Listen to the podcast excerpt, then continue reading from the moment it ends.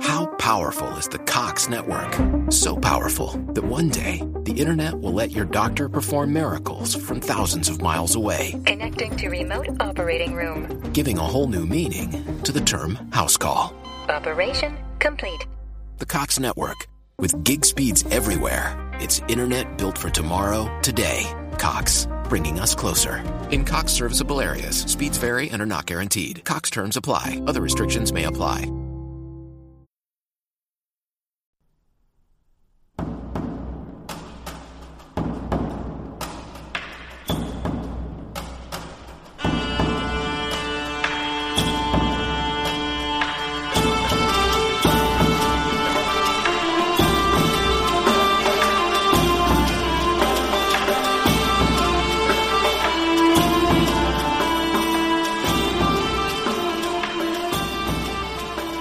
Välkommen till ett nytt avsnitt på gamla och nya stigar.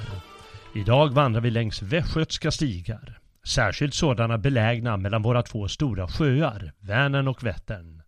Där drabbade för många hundra år sedan riddare och bondesoldater samman på många platser när svenska stormän, jarlar och konungar kämpade om makten. Ofta med danska och norska inslag. Vilka var då de som stred och kämpade på 1100 och 1200-talet? Och varför gjorde de det? Var skedde det? Och hur avlöpte striderna?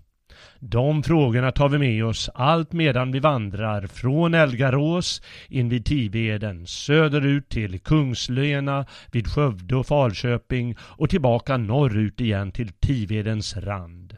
Jag heter Jalle Horn och hoppas på en angenäm tur.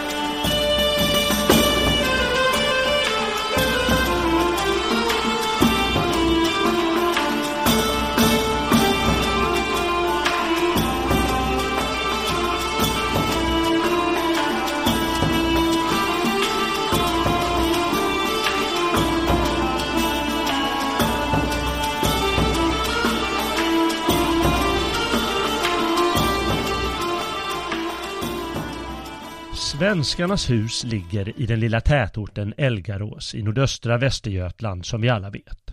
Elgarås har ungefär 375 invånare. Hova tätort, som ligger alldeles intill, är betydligt större och stoltserar med hela 1200 invånare. Obetydliga pluttsamhällen tycker kanske många svenskar, men de må vara hur små som helst. Likväl har de, liksom andra små samhällen inte så värst långt därifrån, varit platsen för stora skeenden i vår svenska historia. Även på den till synes obetydligaste platsen kan man således känna historiens vingslag, om man nu låter sig påverkas av sånt. Och det ska man väl? Det gör i alla fall diktarna. Flera av våra svenska skalder har berört händelserna i norra delen av Västergötland. Slaget i Elgarås anno 1205 förekommer inte i någon dikt, men följdkriget i Lena ett par år senare, blott åtta mil söderut, är ämnet för en berömd medeltida ballad. Och byn Kungslena, som platsen heter idag, i Tidaholms kommun, är rent av mindre än Elgarås. Lenaslaget fick i sin tur ett följdkrig genom slaget vid Gästilren 1210 det slaget lägger vi dagen till ära nära intill Lena. Mellan Dala och Lena står det i en källa. Även om somliga historiker placerar det i Uppland. Men tyvärr finns det ingen ballad om det västgötaslaget, eller var det nu tog plats. Den svenska medeltidens största diktverk, Erikskrönikan, nämner de flesta händelserna från 1200 och 1300-talet. Men de händelser som rimkrönikan tar upp börjar först på 1220-talet, strax efter slagen vid Elgarås, Lena och Gästelren.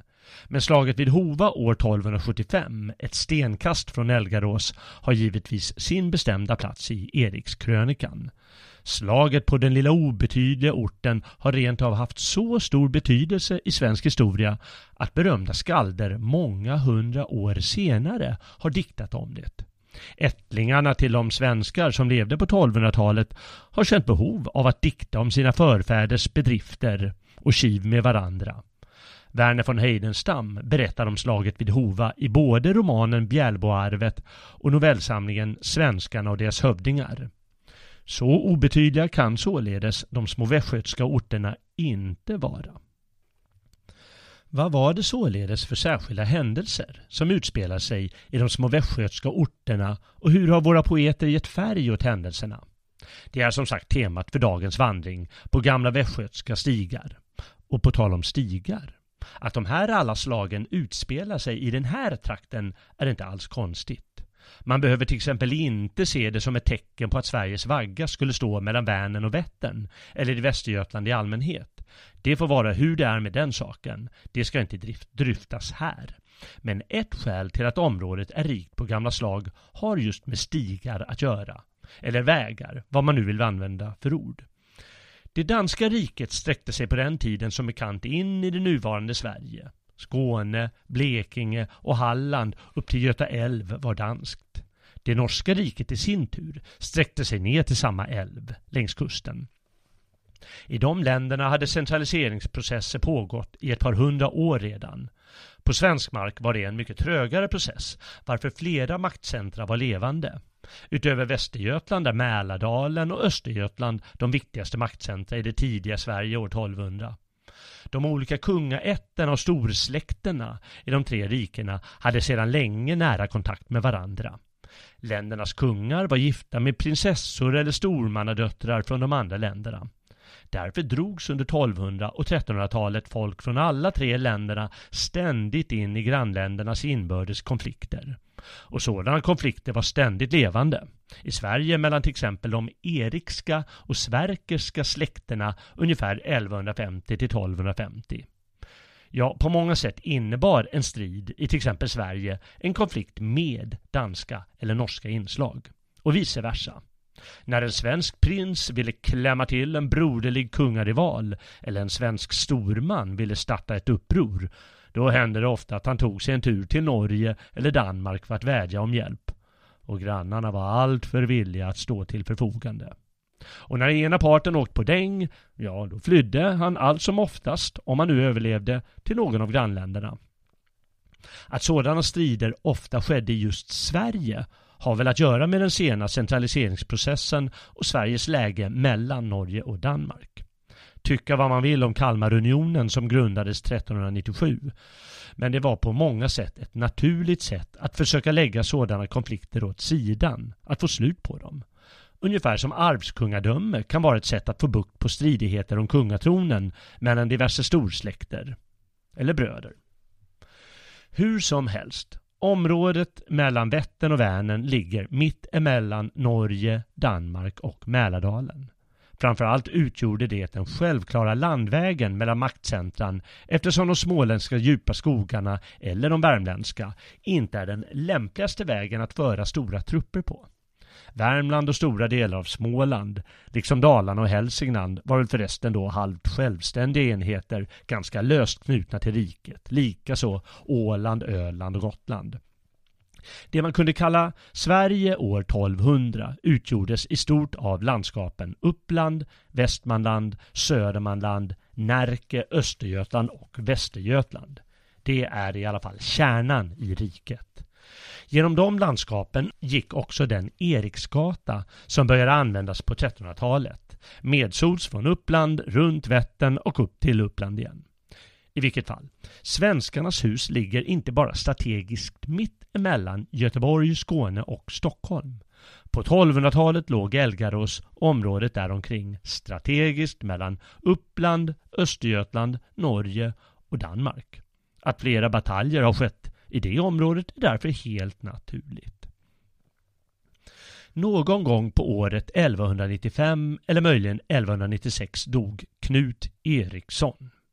Han hade då varit kung av Sverige i nästan 30 år. Eller drygt 20 år beroende på hur man ser på saken.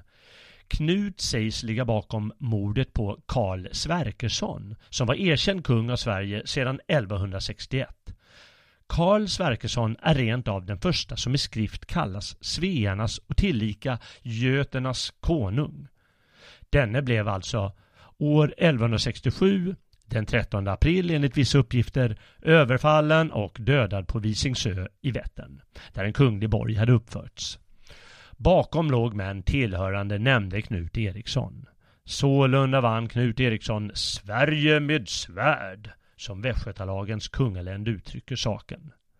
Dådet är en del av rivaliteten om kungavärdigheten, och så en allmän maktkamp förstås, mellan de sverkerska och erikska släkterna från mitten av 1100-talet till mitten av 1200-talet.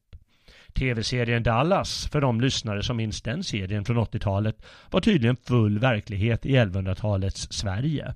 Med ständiga maktstrider mellan ett par huvudsläkter.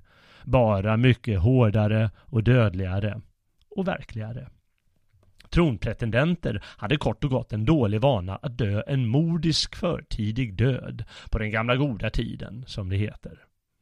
Knut Eriksson var ett undantag. Han dog en naturlig död och gravsattes i Varnhems klosterkyrka mellan dagens Skövde och Skara efter att ha regerat ovanligt, ja mycket ovanligt länge 23 år från det att han erkändes som kung 1173 och 28 år i praktiken efter att han låtit döda Karl Sverkesson. Som jarl, tidens främsta ämbete, eller vad vi ska kalla det, hade Knut en mäktig man vid namn Birger Brosa, vars tillnamn tydligen betyder den leende. Här dyker således fröet till fenomenet Birger Jarl upp. Birger Brosa var nämligen Birger Jarls farbror. Den släkten, folkungarna som de kallas, kommer vi att återvända till. Först tillbaka till de erikska och sverkerska släkterna och deras kiv. Namnet på dem är snarast skapat av historiker och går tillbaka på deras anfäder, båda från tidigt 1100-tal. Erik den helige och Sverker gamle, eller den äldre om man så vill. Här ska inte nämnas något om varför de två ätterna hamnade i sådana konflikter med varandra. De hade visst för vana att slå ihjäl varandra i maktkampens hetta, men de tycks också ha kommit överens om att dela på kungavärdigheten. Först en Sverker, sen en Erik och så vidare. Samtidigt verkar de ha gjort vad de kunnat för att bryta överenskommelsen för att själva vinna fördelar. Knut Eriksson försökte få sin äldsta son Erik till ny kung efter att han skulle komma att läggas i grav. Han hade till och med ordnat med påvlig bekräftelse i ärendet. Men makten i Sverige låg i grund och botten hos stormannasläkterna som valde och godkände kung. Och de krävde att Karl Sverkerssons son Sverker Karlsson skulle utses till kung 1196. Däribland var till och med Knuts egen jarl Birger Brosa. Sverige var ett valkungadöme och stormännen struntade fullständigt i vad påven tyckte om tronföljdsfrågor.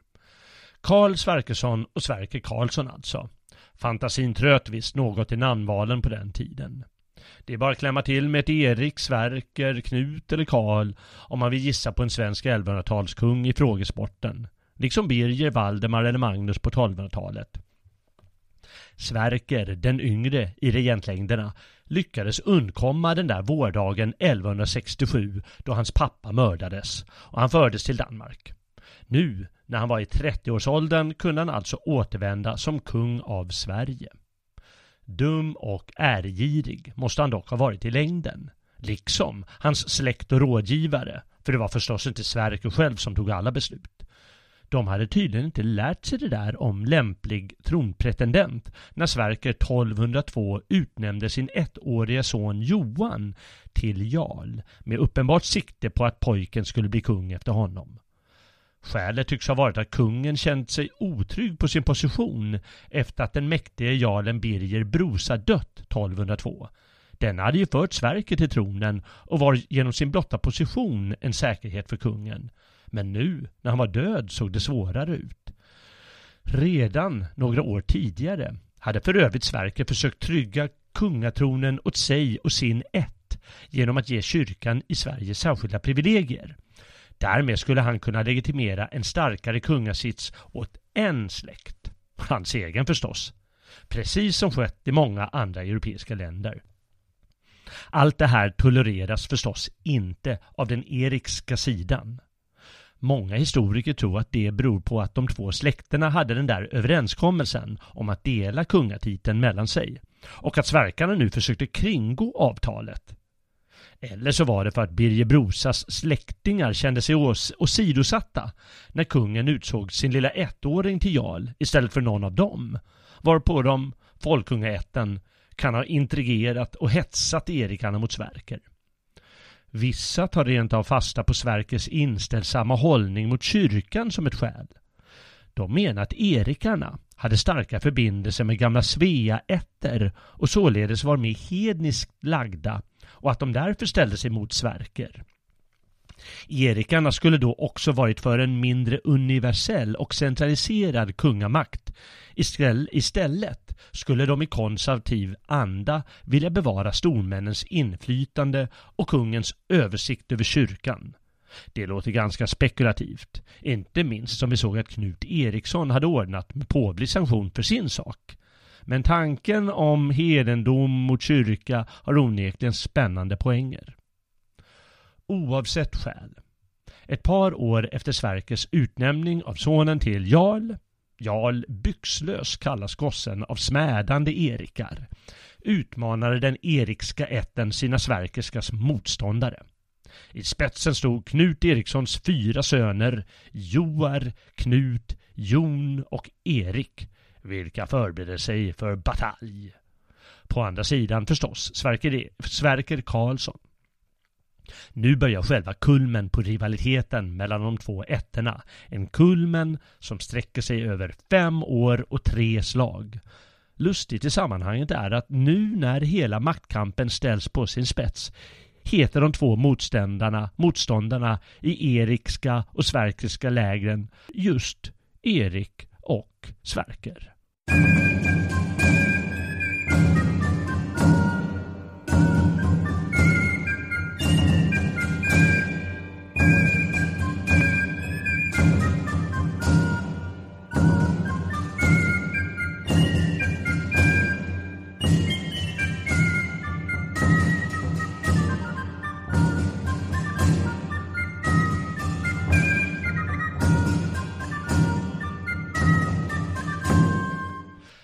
Två parterna drabbade samman första gången i allas vårt Elgarås den 14 november år 1205.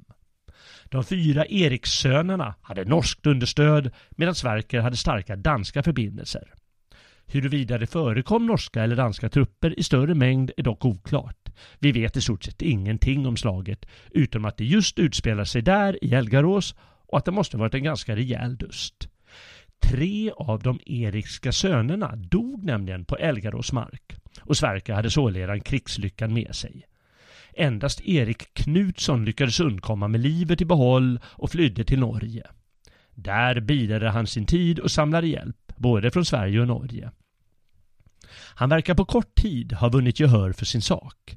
Det tog inte särskilt lång tid att samla ihop anhängare och en ordentlig armé. Drygt två år senare den 31 januari 1208 stod därmed två nya härar emot varandra, den här gången i Lena, strax söder om dagens Skövde. Slaget måste ha haft särskild betydelse eftersom det skapades en visa om händelsen. Den medeltida balladen som kallas just Slaget vid Lena. Ingen forskare tror att visan tillkom på 1200-talet, snarare ett par hundra år senare. Det starka fokus på danskarna som blir grundligt slagna har kanske med antidanska stämningar på 1400-talet att göra. Svenska ballader skapades förvisso från och med 1200-talet efter franskt mönster. Men de flesta som finns bevarade är tillkomna senare. Ifall Lenavisan skapades på 1400-talet måste man betänka att bara det att händelserna har ihågkommits under så lång tid visar på händelsernas stora betydelse. Låt oss därför genast höra balladen för att höra skaldernas syn på saken och skapa rätt stämning. Ett par påpekanden är först på sin plats.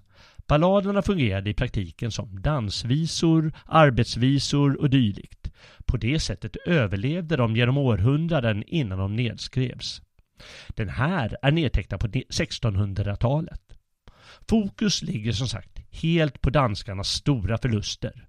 Herr Ebbe och herr Lorenz i dikterna är Ebbe Sunesson och dennes bror Lars, ledare för släkten Vide, en av Danmarks mäktigaste ätter. Sverker Karlsson var gift med Ebbes dotter Benedikta. Kung Sverker, som i visan kallas med det dialektala Sverkel, var genom sin mor även i släkt med den danska kungafamiljen. Några ord bör också förklaras. I omkvädet, refrängen kunde man säga, som följer på varje strof, nämns Daleborgsskölden, som är Danmarks sköld, och ordet ty, som betyder därför. När omkvädet alltså lyder Det svenske det brytaren Daleborgsskölden ty gråta så många, så betyder det alltså de svenska de bryter den danska skölden, därför gråter så många. I den sjätte strofen sägs ordet skepnad eller skepnad som betyder öde. Skebne på danska och skebne på norska. Örn och ramn i strofen efter är örn och korp, det vill säga fåglar som äter lik. I slutstrofen sägs fruarna stå i höga loft, det vill säga de, stå, de är i deras jungfruburar, kvinnornas egna rum bland herrefolk. Och så här lyder balladen. Det var unge herr Sverkel går för Danakonung att stå. Herre, låna mig dina män, jag vill min broder slå. De svenske det bryter en Daleborgsskölden, ty gråta så många. Jag vill låna dig mina män, både Hallandsfarer och jutar. De är så ypperlig stridbara män, som kunna både spänna och skjuta. De svenske det bryter en Daleborgsskölden, ty gråta så många. Det var om en helig söndag att mässan var god att höra. Kung Sverkel samlar sitt folk ihop och låter över Öresund föra. De svenske de bryter den, Baleborgskölden, ty gråta så många. Det var unge kung Sverkel, han kommer mitt i sund. Visste jag, sku, visste jag, jag skulle icke vinna idag, Gud give jag sjönke i grund. De svenske de bryter den, Daleborgskölden, ty gråta så många. Med honom herr Ebbe mot Sveriges land tänkte vinna stor ära men blev dock slagen med all sin här att ingen kunde buden hembära. Det svenske, det bryta den Daleborgskölden, ty gråta så många. Herr Lorentz, hans broder, tänkte och väl sin lycka mot Göterna söka men blev slagen i samma färd och kunde i sin skepnad undlöpa. Det svenske det brytaren Daleborgsskölden, ty gråta så. Emellan Berg och Lena, där så som striden stod, en häst som kostar 1200 mark, han flyter i mannablod. De svenske, de brytaren Daleborgsskölden, ty gråta så. Emellan berg och kalla, där gäller både örn och ramn. Där gråta så många änkor sina fattiga faderlösa barn.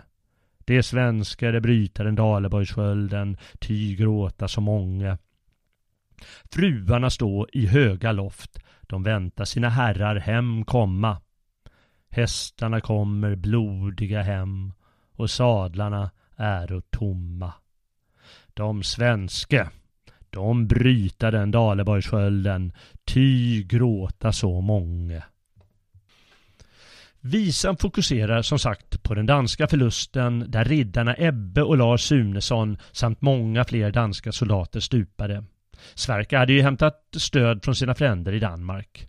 Man ser framför sig hur en häravdelning seglar över sundet till Skåne och hur hären går genom Skåne, Halland och Västergötland och hela tiden blir större och större. Sverker vill kanske krossa din rival en gång för alla och danskarna, ja de hade väl sina avsikter. På samma sätt hade Erik Knutsson säkert norska krigare på sin sida som hade vandrat till valplatsen antingen söder eller norr om Vänern. Det har forskats och spekulerats mycket hur stora trupperna var, vad det var för sorts krigare, hur många danskar som var på plats och var övriga soldater kom ifrån. Var det två, tre, fyra tusen soldater som stred eller var det 30 tusen som en källa antyder saken? Helt klart eh, mycket uppförstorat. Så här målar i alla fall svensken Erikus Olai upp händelsen i sin bok Kronika Regni Gotorum från 1460-talet. Denne Valdemar, den danska kungen alltså, sände ut en väldig här mot svenskarna och utnämnde Ebbe Sunesson till härens främsta ledare. Ett slag utkämpades i Lena i Västergötland där danskarnas här blev så till den grad krossad att av denna inte lämnades kvar två sida vid sida. Det vill säga de red inte i par bredvid varandra längre utan en och en. Så stor var massakern på danskarna att minnet lever kvar i släktled efter släktled. Där dödades Lars och Ebbe Sunesson från Själland, ädla, tappra och ryktbara krigare. Vid detta tillfälle drevs kung Sverker på flykt tillsammans med de återstående danskarna i herrans år 1208. I herrans år 1210 stod ett slag vid Gestylren och där dödades kung Sverker och jarlen Folke och många andra. Där segrade svenskarna. Vi får anta att det var ett större antal danskar med i slaget alltså. Däribland fanns med all säkerhet en avdelning bepansrat kavalleri. Ebbe och hans bröder, de var fyra stycken på plats, inte bara Ebbe och Lars. De var berömda riddare och tillhörde en rik och krigisk släkt. Man måste utgå från att de var välrustade. Vidare hade Sverker givetvis med sina egna trupper och andra svenskar han fått med sig. Den sverkerska ätten hade sin bas i Östergötland. Kanske kom de flesta därifrån. Enligt Lenavisan ställer den danske kung Valdemar även en trupp hallänningar till Sverkers förfogande. Vem vet? Kanske fanns det också danska kungliga riddare på plats som ville vinna lite ära på det svenska slagfältet. Sverker hade också påvlig sanktion. Det finns ett påvligt brev, brev sänt till svenska biskopar att uppviglaren Erik måste söka försoning med Sverker. Därigenom måste Sverker ha vunnit flera svenska soldater. Eh, men antalet krigare blir mest spekulation. Själv brukar jag vara moderat i sådana hänseenden och dra ner på antalet krigare. Att det skulle röra sig om 30 000 bara på Sveriges sida, det kan inte stämma. Så stora slag utspelades inte i något europeiskt land eh, på 200-300 år framåt. Eh, och att det skulle ske i det betydligt folkglesare Norden, det är förstås omöjligt. Fast alla historiker verkar vara överens om att Sverkers sida hade en betydligt större trupp än Erik Knutsson. De flesta tror också att slaget utkämpades i den här trakten av Västergötland. Vad gäller Eriks sida hade han säkert en stomme krigare av sin egen släkt som hade sin bas i Västergötland. Vidare hade han med sig folkungarna, den stormannaätt som hade sitt säte i Bjälbo i Östergötland. Dessa hade ju blivit förbigångna av Sverker när han utsett sin lille son till ny jarl istället för någon av dem. Vidare hade Erik värvat sina norska fränder och en del tror att hans här även hade många krigare från Mälardalen. Troligen var slaget vid Lena och uppföljarslaget vid Gestilren två år senare stort och avgörande för Sveriges utveckling. Men vissa drar nog lite för stora växlar på det hela i lite romantisk stil. I grund och botten var det nog en svensk och inte svensk-dansk eller allnordisk uppgörelse. Visst åkte många danskar på däng, men att tro att danskarnas avsikt var att inlämna Västergötland eller kanske hela Sverige i det danska riket, ja, det är mer tveksamt. Faktum är att Erik Knutsson direkt efter segrarna i de två slagen 1208 och 1210 lierar sig med det danska kungahuset genom att gifta sig med prinsessan Rikissa. Så djävulska kan danskarna tydligen inte ha varit för de svenska. Vissa har också velat betona Sverkers mer kyrkliga allians, varmed Eriks falang skulle vara, vara mer hednisk och att striden därmed skulle stå mellan den katolska kyrkan och vår gamla hedendom. Det ligger lite i tanken tycker jag, vilket vi ska se när Werner von Heidenstam ska få berätta sin variant om slaget vid Hova. Men att försöka polarisera maktkampen mellan de erikska och sverkerska ätterna på det här sättet leder nog ingen vart. Vi såg ju tidigare hur Knut Eriksson, från den erikska släkten alltså, själv eftertraktade påvlig legitimitet för sin sak. Dock ska självaste Oden har varit med på ett hörn den där januaridagen 1208 i Lena. I en norsk, eller om det är en isländsk, saga kommer en ryttare till en smed för att få hästen skodd. Asaguden är på väg till Lena, säger han till smeden, för att ge Erik sitt stöd i striden mot Sverker. Kanske vann Erik med just Odens hjälp. Människor var pragmatiska när det gällde tron på den tiden och med all säkerhet fanns det en dos hedendom och folktro hos folk i gemen. Men att göra Erik till motståndare till den kristna kyrkan är inte lyckat som historiker tycker jag. Däremot ansåg säkert vissa grupper, däribland Eriks släkt vid den tidpunkten, att kyrkan inte borde ha med kungamaktens legitimitet att göra, utan att det var en affär för landets stormän.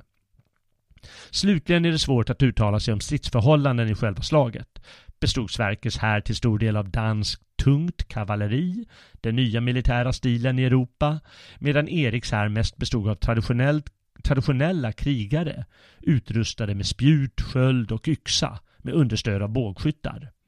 Det finns de som har givit en sådan bild av förloppet och att den svenska traditionella hären lite mirakulöst, med Odens hjälp, skulle ha segrat över de till man och utrustning klart överlägsna danskarna under Sverkers ledning. Lite som engelsmännen mot de överlägsna fransoserna i Azincourt eh, ett par hundra år senare. Det vore underbart om det vore så. Men jag vågar inte dra riktigt sådana slutsatser. Jag nöjer mig med att säga att Erik Knutsson uppenbarligen segrade Lena och att många danskar miste livet i drabbningen. Och jag är övertygad om att det var ett stort och avgörande slag i svensk historia. Inte minst gav segern mot till synes överlägsna danska riddare en långtida historisk känsla för svensk kamp mot arvfienden Danmark. Slaget vid Lena, ja, det är väl själva arketypen för positiv svensk kamp mot våra bröder i syd.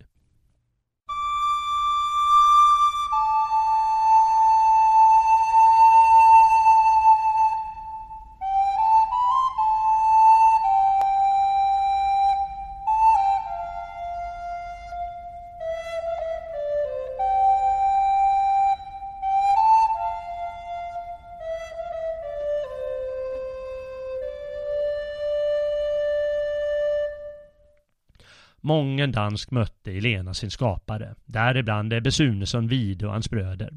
Sverker Karlsson kom däremot undan med livet i behåll. Med all säkerhet flydde han söderut till sina danska allierade. Där lyckades han uppbåda en ny här för ett nytt försök att klämma till Erik Knutsson. Han hade även påven med sig som såg Erik som en usurpator och krävde att Sveriges biskopar skulle förmå Erik att underkasta sig Sverker men varken kyrklig propaganda eller danska riddare kunde knäcka Erik. Kanske var han ett militärt snille, för när två år senare en sverkersk och en eriksk här återigen stod öga mot öga segrade han igen, med eller utan orden. Den 17 juli 1210 satte alltså Sverker allt på ett kort, måste vi anta, när han sökte strid igen mot Erik Knutsson och fick det i Gestilren. Vi vet nästan inget om slaget och mycket möda har lagts på att finna platsen för det. Här låter vi det ta plats inte långt från Lena, så som traditionen och många historiker gör. Inte vet vi heller något om själva slaget, annat än att Sverker stupade liksom Folke Jarl, vilket källorna mäler. Troligen var slaget mindre än det i Lena. Kanske är det inga danskar alls med den här gången tyvärr valde den största av nordiska medeltidsdiktare att inte skriva om händelserna. Islänningen Snorre Sturlason var på besök i Sverige ungefär tio år efter drabbningarna i Lena och Gästelren. Givetvis fick den övermåttan nyfikne Snorre den svenska ättekampen mellan Erikar och Sverkar serverad för sig. Men han var väl för upptagen med sin Edda och Heimskringla om norska kungar samt Svearnas urminnes historia som Heimskringla ju börjar med. Synd. 1100-talets stora släktfejd i Sverige hade nu gjort sig väldigt bra efter Snorres briljanta penna. Och ingen kan klaga över dramatiken med mord och riddare och orden själv. Men nu är det som det är. I historisk mening är väl resultatet av slaget vid Gästelren desto intressantare. Sverker Karlsson dog i striden och kunde sedermera begravas i Alvastra tillsammans med övriga från den sverkerska släkten. Därmed gick även fejden mellan de två släkterna i graven. Med Sverker i grav kunde Erik Knutsson nu låta kröna sig till svensk kung, troligen i Uppsala. Han är den första som har låtit göra det. Så vitt vi känner till i alla fall, även om man tror att traditionen kan vara äldre. Och det var ärkebiskop Valerius som fick göra arbetet. Och påven själv, ja han godkände snart också Erik som rättmätig konung i Sverige. Och även om det alltså inte är kyrkan som ställer diktaten så ser vi hur kyrka och kungamakt alltmer stagar upp varandra. Varmed kungavärdigheten och statsmakt sakteliga konsolideras. Fast i Sverige låg makten i sista hand fortfarande hos de samlade stormannasläkterna. Det var alltså erkända jordägare före begreppet frälse, det vill säga fri från skatt, införts i slutet av 1200-talet, alltså feodal skattebefriat adel. Stormannasläkterna hade sedan gammalt ägor och uppburen status och hade säkert råd med att ta ett krigarfölje samt inkalla en viss mängd soldater. När Erik dog i ganska tidig ålder av sjukdom 1216 valde stormännen till ny kung en Sverkare. Den Johan Sverkersson som Sverker Karlsson 15 år tidigare försökt smyga fram till kungavärdigheten via jarlämbetet. Med hans död sex år senare tog den sverkerska ätten ut och man valde Erik Knutssons blott sexårige son till kung. Han med namnet Erik Eriksson, Lespe och Halte. Han hade tydligen både tal och gångproblem. Nu kunde det tyckas att den erikska ätten skulle få fullt manöverutrymme i längden, men det får den inte. I längden tillfaller makten Birger Jarl, som utmanövrerar alla andra kandidater till makten genom krig, avrättningar, ingiften, lagar med mera. Och till slut uppsätter sin äldste son Valdemar som kung. Även om han själv är den egentliga regenten. 1251 kröns Valdemar till svensk kung efter att stormännen valt honom till kung året före. En tradition säger att stormännen valde Valdemar när jarlen var på korståg i Finland och att Birger när han väl kom hem blev ytterst vred på det hela. Han skulle själv ha siktat på kungatronen. Men Birger Jarl kan knappast ha haft några invändningar. Troligen var det planerat att Valdemar skulle krönas till kung. Valdemar var bara 11 år då och Birger var som sagt den egentliga härskaren som styrde i skuggan av Valdemar och senare mer eller mindre bredvid honom. Han ställde alla diktat. Birger är ju känd som en resolut härskare som forcerade fram ändringar han tyckte var bäst. 1247 till 1248 hade han lirkat sig fram till jarlspositionen efter att ha ställt upp mot de så kallade folkungarna som gjorde uppror mot kungen.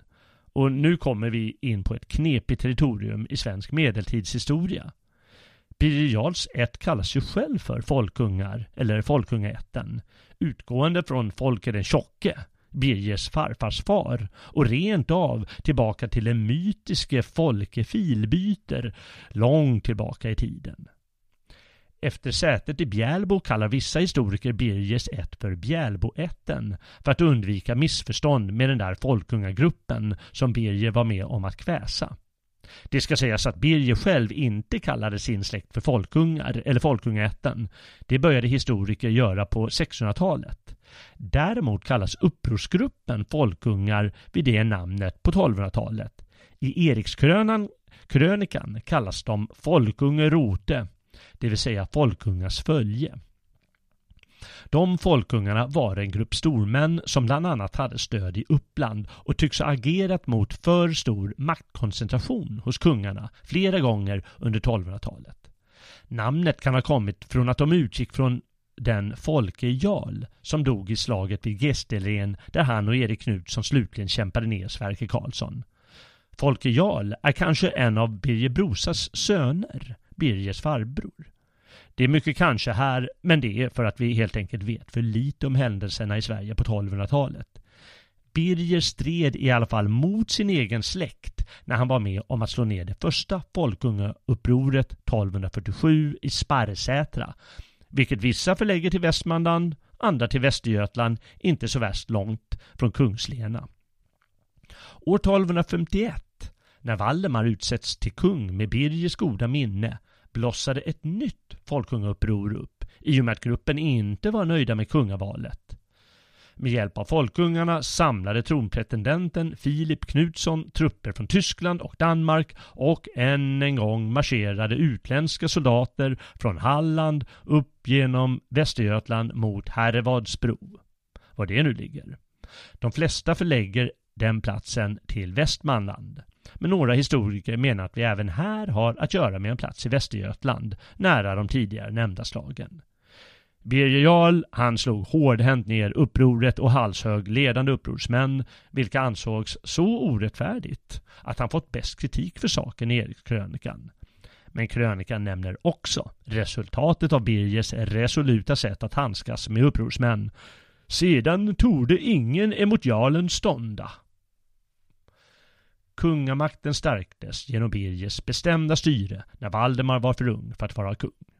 Men som så många gånger före och efter i historien håller hela konsolideringsprojektet med en stabil kungamakt på att rinna ut i sanden. Nästan direkt efter att ha påbörjats.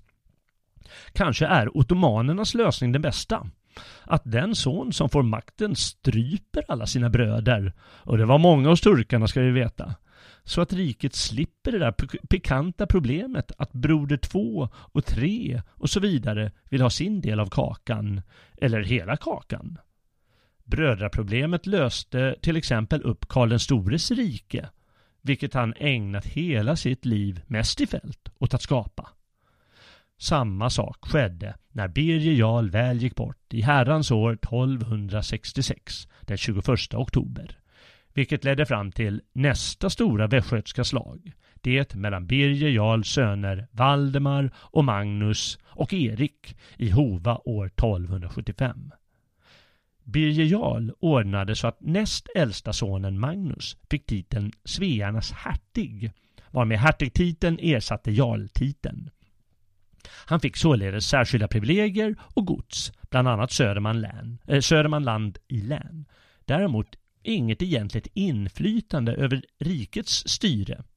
Sonen Erik, han fick inget alls, varför han i en norsk berättelse och i Erikskrönikan kallas för Erik alls intet, eftersom han hade varken jord eller inflytande. Kanske hade Birger tänkt att Valdemar och Magnus skulle samarbeta med Magnus i Birgers gamla jarlroll. Men genom Birgers försorg hade kunga positionen, alltså kungen fått en mycket starkare position än tidigare. Och hertigen, före detta jarlen, han hade fått en klart försvagad roll. Så det var Valdemar som kom att styra riket, hur mycket Birger kanske än önskade att den mer strävsamme och krigiskt lämpade Magnus skulle dra i de flesta trådarna. Och Erik, ja, han fick jag varken göra ditt eller datt. Det ledde till självklara slitningar mellan de tre bröderna. Den utlösande faktorn blev Valdemars balle. Ja, som så många gånger i historien. Hans hustru Sofia, dotter till den danske kung Erik Plogpenning, hade en syster med det läckra namnet Jutta. Ja, byt ut J till ett K så får du ett gammalt fint svenskt ord. Eller till ett M så får du ett modernare slangord för samma sak. Den nya danska kungen hade satt Jutta i kloster för att undvika att hon giftes med någon utländsk herre som sedan hade allehanda krav på jord och makt i Danmark. Hon blev så sedermera piorinna för ett dominikanerkloster. Men ville mer av livet än så och rymde helt sonika till sin syster i Sverige 1271 varmed Valdemar fick syn på henne och blev fullständigt betuttad i flickan.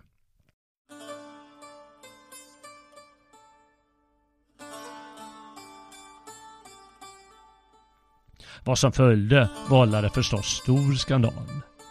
En kung tillåts givetvis ha sina frillor, men inte drottningens syster. Så här heter det i Erikskrönikan i Aron Rydfors upphoppade version. I ädel höghet utan flärd, i jungfrufägring utan like kom hon som en ängel från himmelrike som hit till jorden ställt sin färd. Hon kom med stolt och ädel hållning och alla fångades av förtrollning. Med konungen blev hon snart så kär att han sedan kom henne allt för när trots äkta stånd och kyrkans hinder.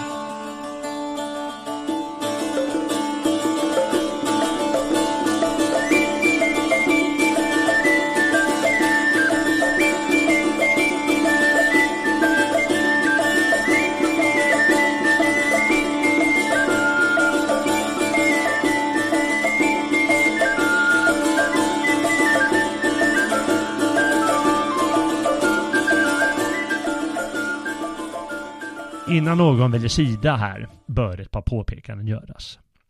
Det är ju så vanligt att man så att säga håller på någon, fart, eh, någon part. Kanske av ideologiska, lokalpatriotiska, religiösa, moraliska skäl eller något annat.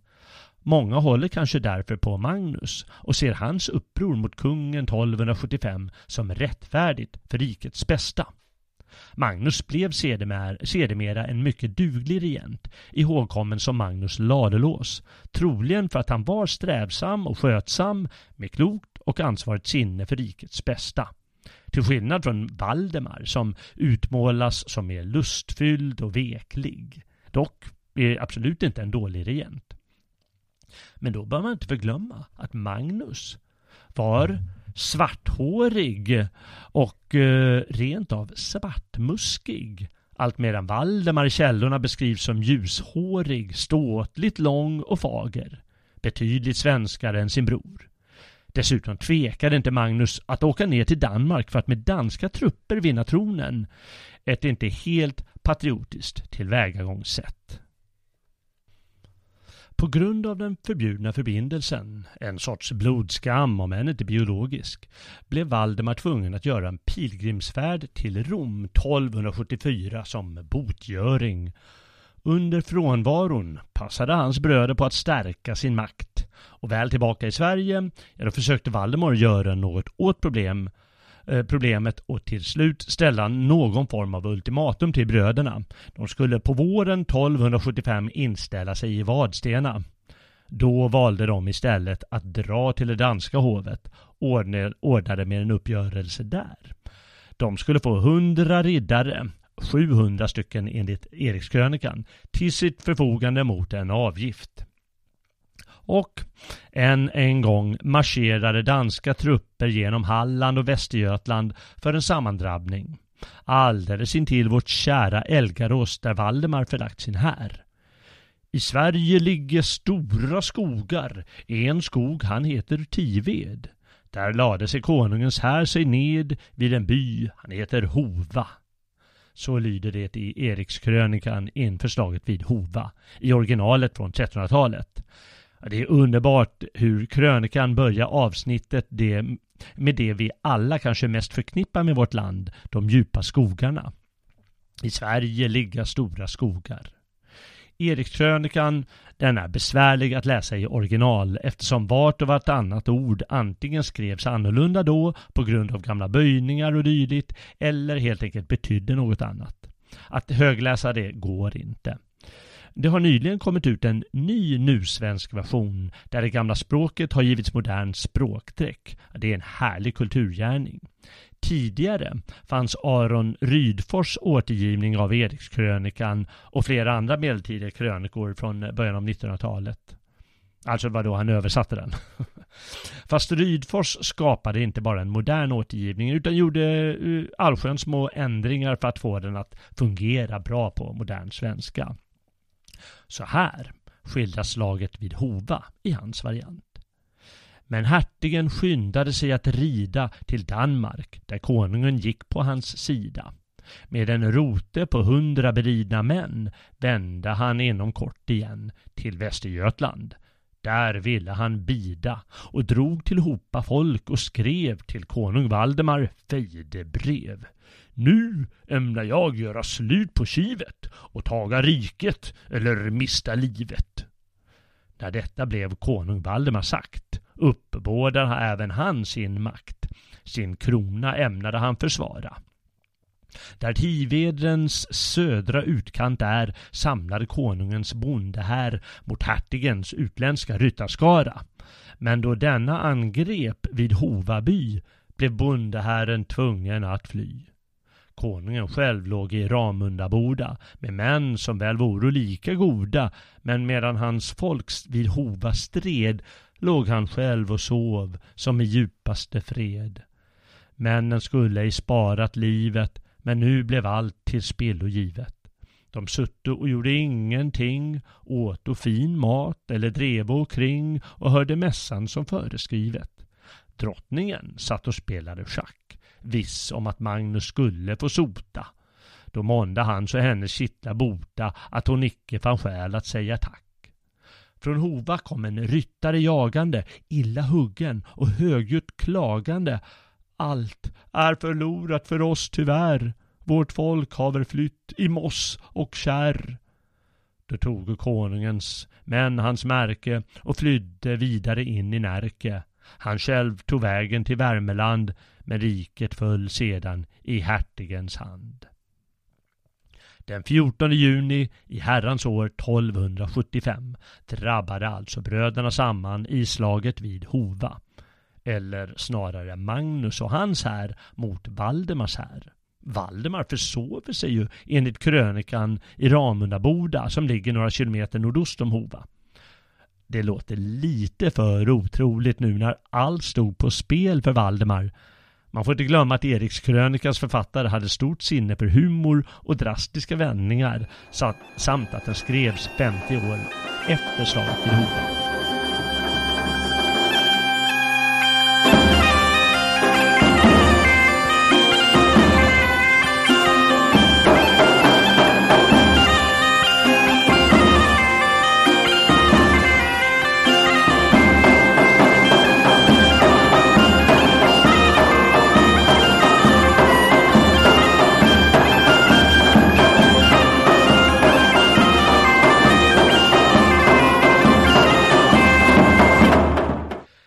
Magnus danska riddare gjorde hur som helst rent hus med Valdemars enklare här.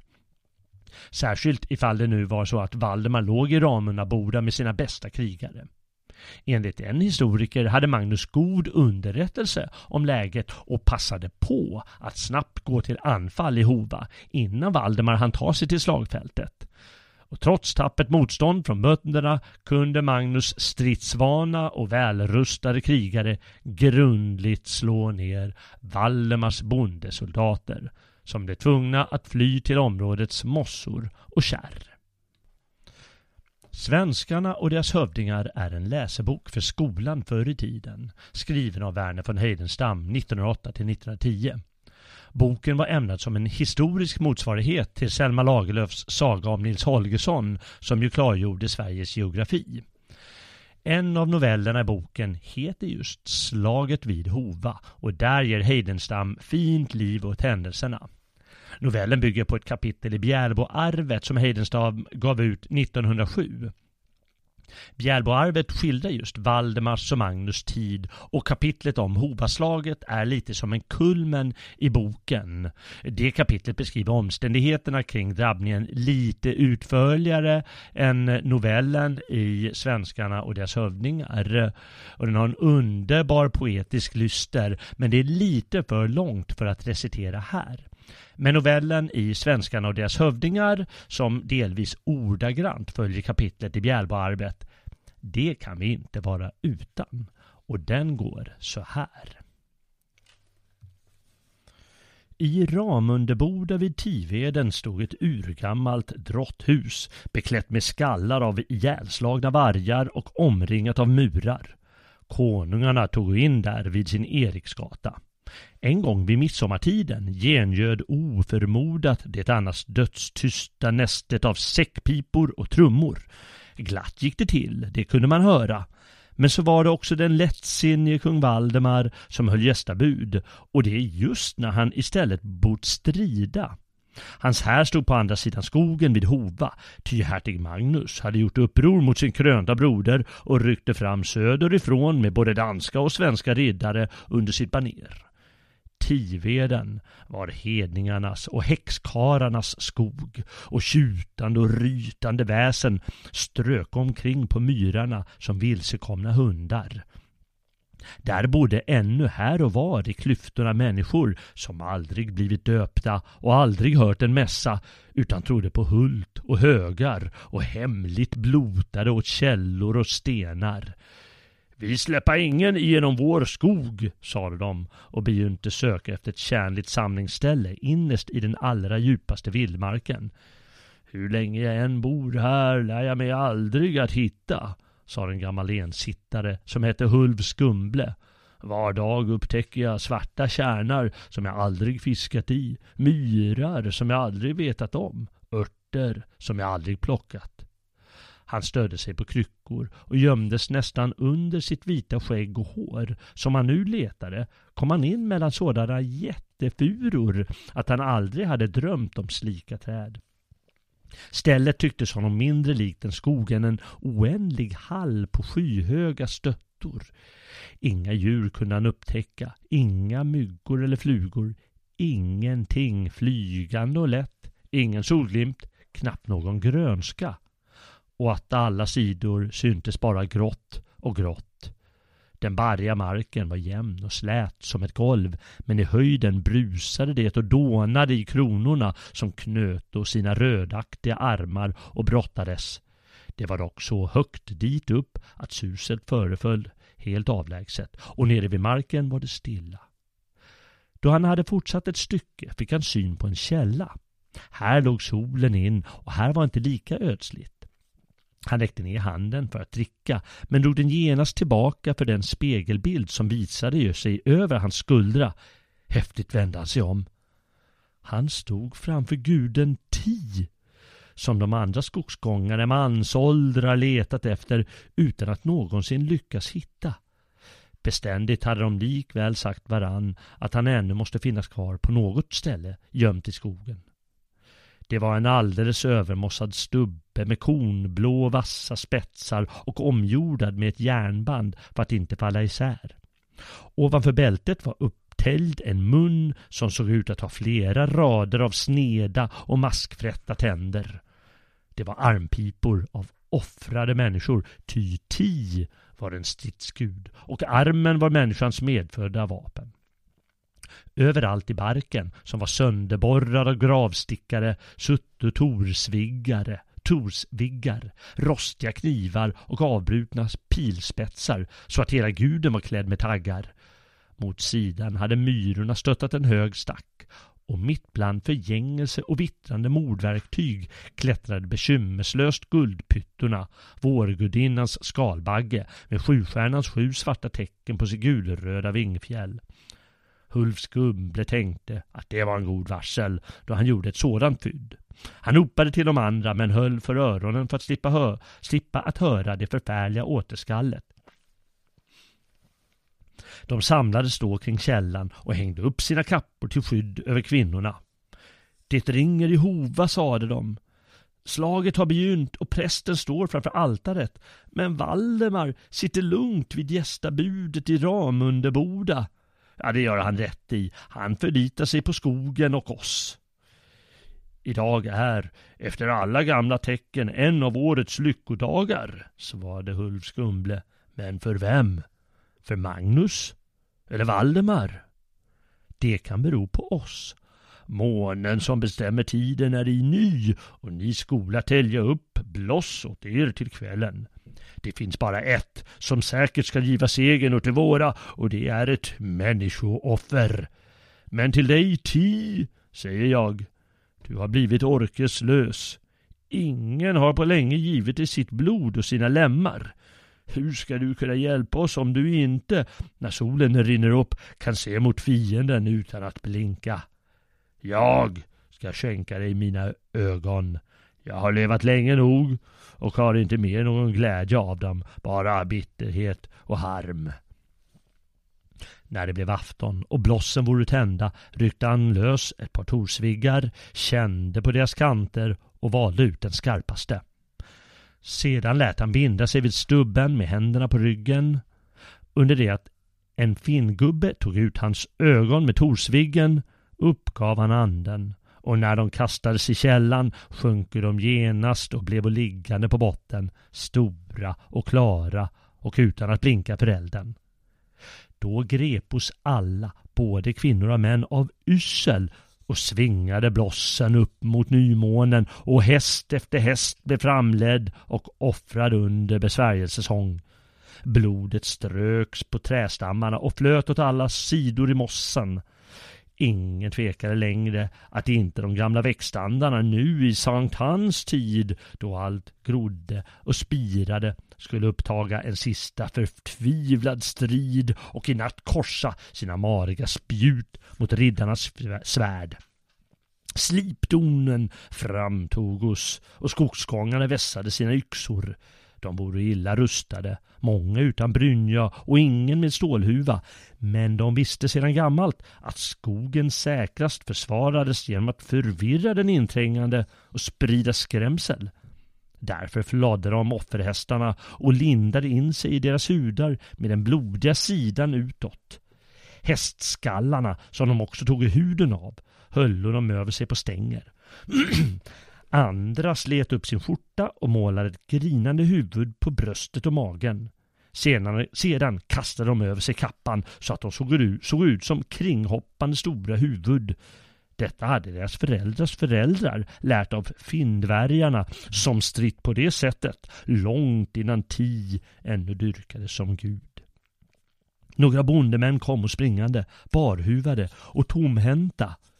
Hertigens folk syns edan ute på myren, ropade. Hela Valdemars här är slagen vid Hova. Vi är och förlorade. Det prasslade och smällde mellan grenarna i den förut tysta ödemarken. Uppskrämda fåglar och rävar flydde förbi. En fårskock rusade fram med långa språng följd av en brun ko vars skälla pinglade ursinnigt. Skogsgångarna förstod då att fienden var alldeles inpå och de bästa skyttarna klättrade upp i talltopparna på sina yxor. De andra ställde sig med kvinnorna bakom stammarna. Fackla, facklorna blev nedstuckna i marken kring källan i lutande ställning så att elden skulle falla i vattnet och inte tända barren. Fast inga människor längre kunde upptäckas förblev skogen därigenom ljus som en upplyst men tom sal. Det dröjde en stund. Sedan närmade sig en vägvisare med några väpnade män. De tittade sig oroligt om åt alla sidor men när, när de såg de två klara ögonen som betraktade dem ur källan tog de sig om huvudet och flydde.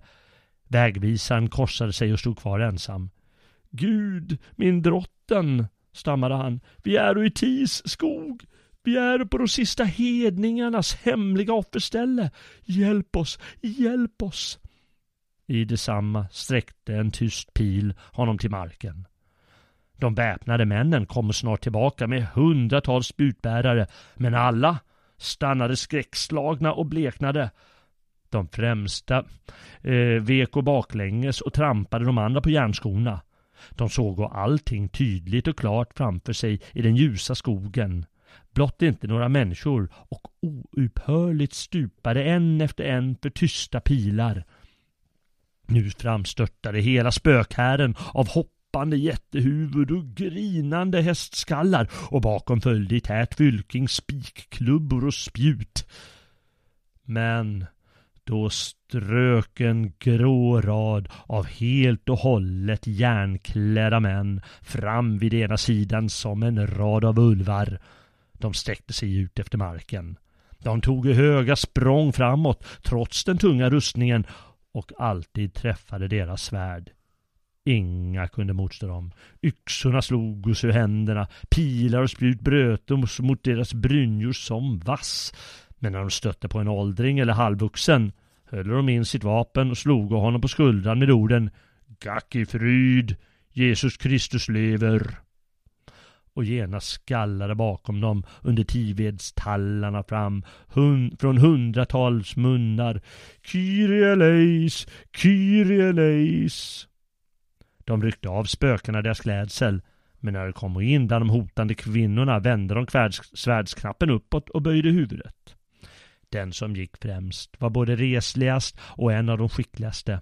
Han hade en tarvlig, slät hjälm med en lite mörk springa framför vardera ögat. Hans huggande svärd klöv ti ända till roten och de mörkna benen och barkstyckena föll åt båda sidorna. Det var lätt att känna igen att det var hertigen själv. Bakefter följde hans häst som en trogen hund utan att han behövde hålla honom i tygen. Småningom hade det dagat igen och skogsfolket rusade i flykt från stam till stam. De kände att besvärjelser och trolldom ingenting längre förmådde. Att hedendomen var slagen, att de, bar, att de vilda skogsgudarna flydde, liksom de själva, och kröp in under stenar och rösen som grävlingar och rävar för att dö eller klaga i de långa vinternätterna. Vi oss förlorade, ropade skogsgångarna. Nu taga riddarna landet. Se, se, det flyger duvor över dess hjälmar. Hertigens skara växte beständigt och riddarna sjöng omkring det blå Magnusbaneret. Kristus hör dina riddares böner, spegla ljuvligt din mildhets stjärna i det stål som vår panna kröner, faderlösa och arma att värna. Så snart de hade slutat fortsatte sången av de eftersta nere vid myren. Kristus hör dina riddares böner, hör oss alla som ropa ur tiden, människors döttrar, människors söner, giv oss friden, friden, friden. Magnus band av hjälmen och hans kraftfulla och brunhyade krigardrag blottades. Till Mora stenar så att vi får hylla dig som konung, ropade riddarherren under skallande jubel och slag på sköldarna, ty nu var landet räddat från svaghet och förfall. Valdemar dog slutligen i fängelse på Nyköpingshus. Magnus och hans lysande riddarhov blev däremot ärat över hela Norden och han lade nya grundvalar under riket. Sedan blev han kallad Magnus Ladulås och sagan har velat tyda det namnet så att han med sina lagar satte skyddande lås för bondens lada.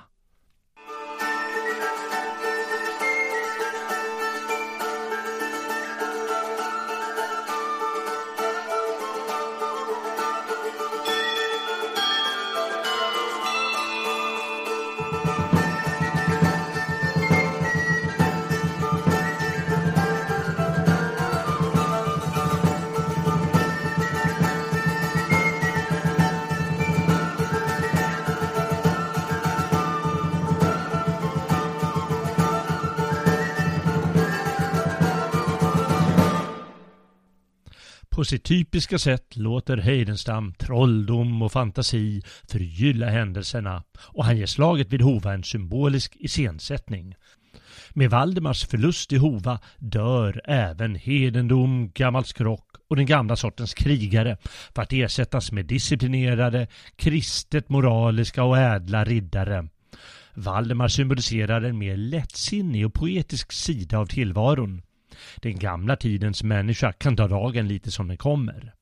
Således sover Valdemar när han ska strida och de sista krigarna som kan försvara, honom och den gamla ordningen, eller oordning om man så vill, är den sagans krigare under guden Ti och de slåss med helt andra metoder än Magnus riddare. Således fångar Heidenstam hedendomens kamp mot den nya kristna ordningen som vissa har velat läsa in i fejden mellan Erikar och Sverkar några decennier tidigare. I hans version av den historiska processen, och man ska inte glömma att han inte försöker vara helt historiskt korrekt, vinner slutligen också den bepansrade riddararmén över bondesoldater, vilka inte lyckades i Lena och Gästileren i början av 1200-talet.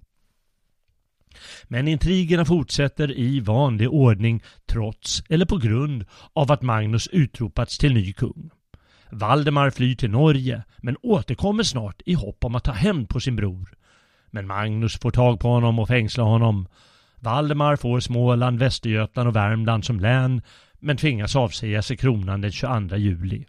Magnus kan därmed krönas i Uppsala domkyrka året därpå men Valdemar vägrar ge upp. När han får veta att Erik Blodpenning inte fått den där skulden för riddartruppen som Magnus använde vid Hova börjar han intrigera med den danska kungen ho, som tycker det här är en bra idé och skickar in en ny här i Sverige. Det hela mynnar ut i slaget vid Ettack i Västergötland i vanlig ordning år 1277. Erikskrönikan belyser det så här. Vid gården Ettak stod en strid med hundra danskar nära Tidan. Dessa sutto i lugn förbidan och åto fin mat och talades vid utan brynja och svärd vid sidan. Men bäste sutto och snackade glatt ropade han som i trädet satt Nu komma de uppländske ridande! Magnus överrumplar således kungens läger och går segrande ur striden igen. Vid fredsförhandlingar får sedan Erik Plogpenning sin skuld betald och Valdemar sitter pyrt till igen. Efter misslyckade försök att få med sig tyskar för sin sak måste han återigen avsäga sin aspiration på kronan, men får tillbaka vissa ägor. Men redan året därpå, 1278, blottar, eh, blossar ett nytt folkungauppror upp som ger honom viss förhoppning. Den här gången vill upprorsmännen återinsätta Valdemar som kung. Kanske, de, kanske märker stormännen, eller några av dem, att eh, kungamakten har blivit lite för stark. Med list och visst förrädisk tunga lurar Magnus upprorsmännen till sig i alla fall, varmed de grips och avrättas 1280. Och stackars Valdemar måste en tredje gång avsäga sig kraven på kronan. Nu ger han också upp sina innehav i Sverige och flyttar till Danmark. Och när han väl av någon anledning, av någon anledning återvänder 1288 låter Magnus helt sonika fängsla honom och hålla honom livet ut på Nyköpingshus där han slutligen dör 1302. Kanske borde Valdemar ha tagit det där erbjudandet som en av hans mannar ger honom i Heidenstams fantasier efter nederlaget vid Hova enligt romanen Bjälboarvet. Gistre Herjansson steg fram, sönderriven och blödande. Vintern är över och marken är blommor, sade han. Sätt dig upp, herre, och hör hur göken sjunger i Sunnans skog. Valdemar satte sig upp och skakade de ringlande lockarna ur ögonen. Du är blodig, du kommer från striden. Jag kommer från de slagna här för att lyckönska dig. Idag kan du få dö en hjältes död. I afton kan du få sova skönare i blomstergräset än Magnus i sitt riddarkäll. Med snabba ord berättade han om nederlaget och bad honom att samla de flyende till en sista strid. Valdemar steg genast upp och drog på sig ringhandskarna och de väckta männen flockade sig skyndsamt omkring honom. Men den ene rådde ett, den andra ett annat. Hade de bara varit två eller fem skulle han med lätta, lätt sinne ha kastat sig in i ett handgemäng för att stupa. Men de långa förhandlingarna, de olika meningarna, de nästan befallande rösterna prövade hans tålamod och släckte hans iver istället att sporra den. Han blev otålig istället för beslutsam och tystnade dem med vrede istället för med själ. Harmset slet han åter av sig handskarna.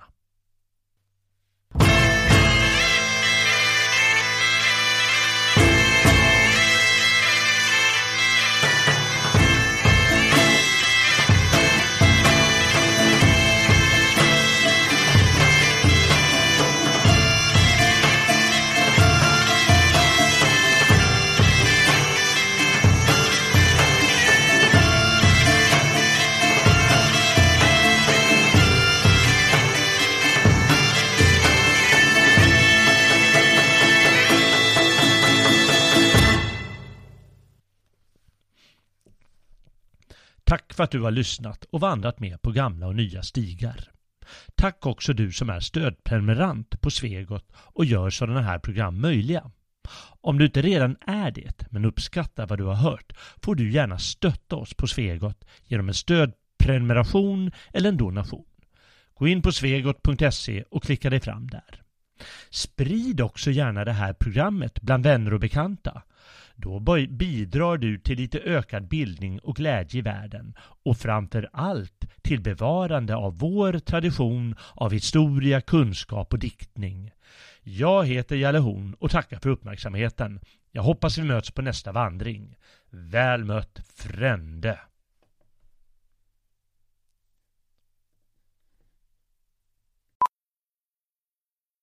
How powerful is the Cox network? So powerful that one day the internet will let your doctor perform miracles from thousands of miles away. Connecting to remote operating room. Giving a whole new meaning to the term house call. Operation complete. The Cox network with gig speeds everywhere. It's internet built for tomorrow, today. Cox, bringing us closer. In Cox serviceable areas, speeds vary and are not guaranteed. Cox terms apply. Other restrictions may apply. A little focus goes a long way, and a whole lot of focus, well, that puts you light years ahead of the competition. That's why at Vernon, they only focus on heating and cooling. And as the heating and cooling specialists, they're great at it, especially after 43 years. Get your AC ready for summer with Vernon's $69 spring tune up. You heard right, only $69. Go to VernonHeating.com. Vernon, the heating and cooling specialists.